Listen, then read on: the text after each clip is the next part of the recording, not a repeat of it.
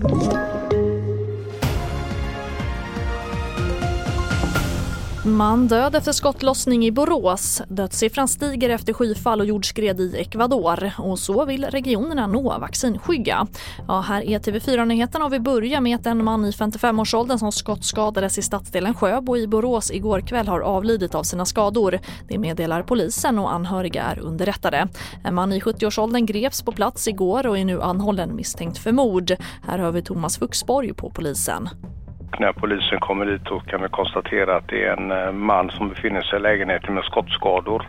Han avled eh, senare på sjukhus. Eh, gärningsmannen då som eh, försvann från platsen eh, kom tillbaka en stund senare. Han kunde gripas och han är i dryga 70-årsåldern den här mannen. Och han eh, sitter nu då anhållen eh, misstänkt för mord. Och en längre kommentar från polisen kan du se på tv4.se. Och I Ecuador stiger dödssiffran efter den senaste tidens skyfall och jordskred som drabbat landet den senaste veckan.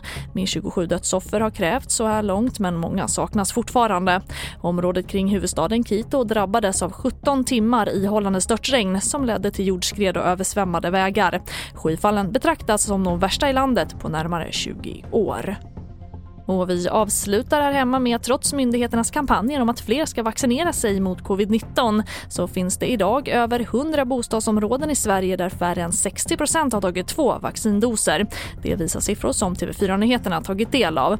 Och för att få upp vaccinationsgraden gör Region Stockholm en storsatsning med bland annat fler vaccinationsbussar och information på olika språk. Vi behöver nu testa lite nya grepp för att eh, ytterligare öka intresset för vaccination.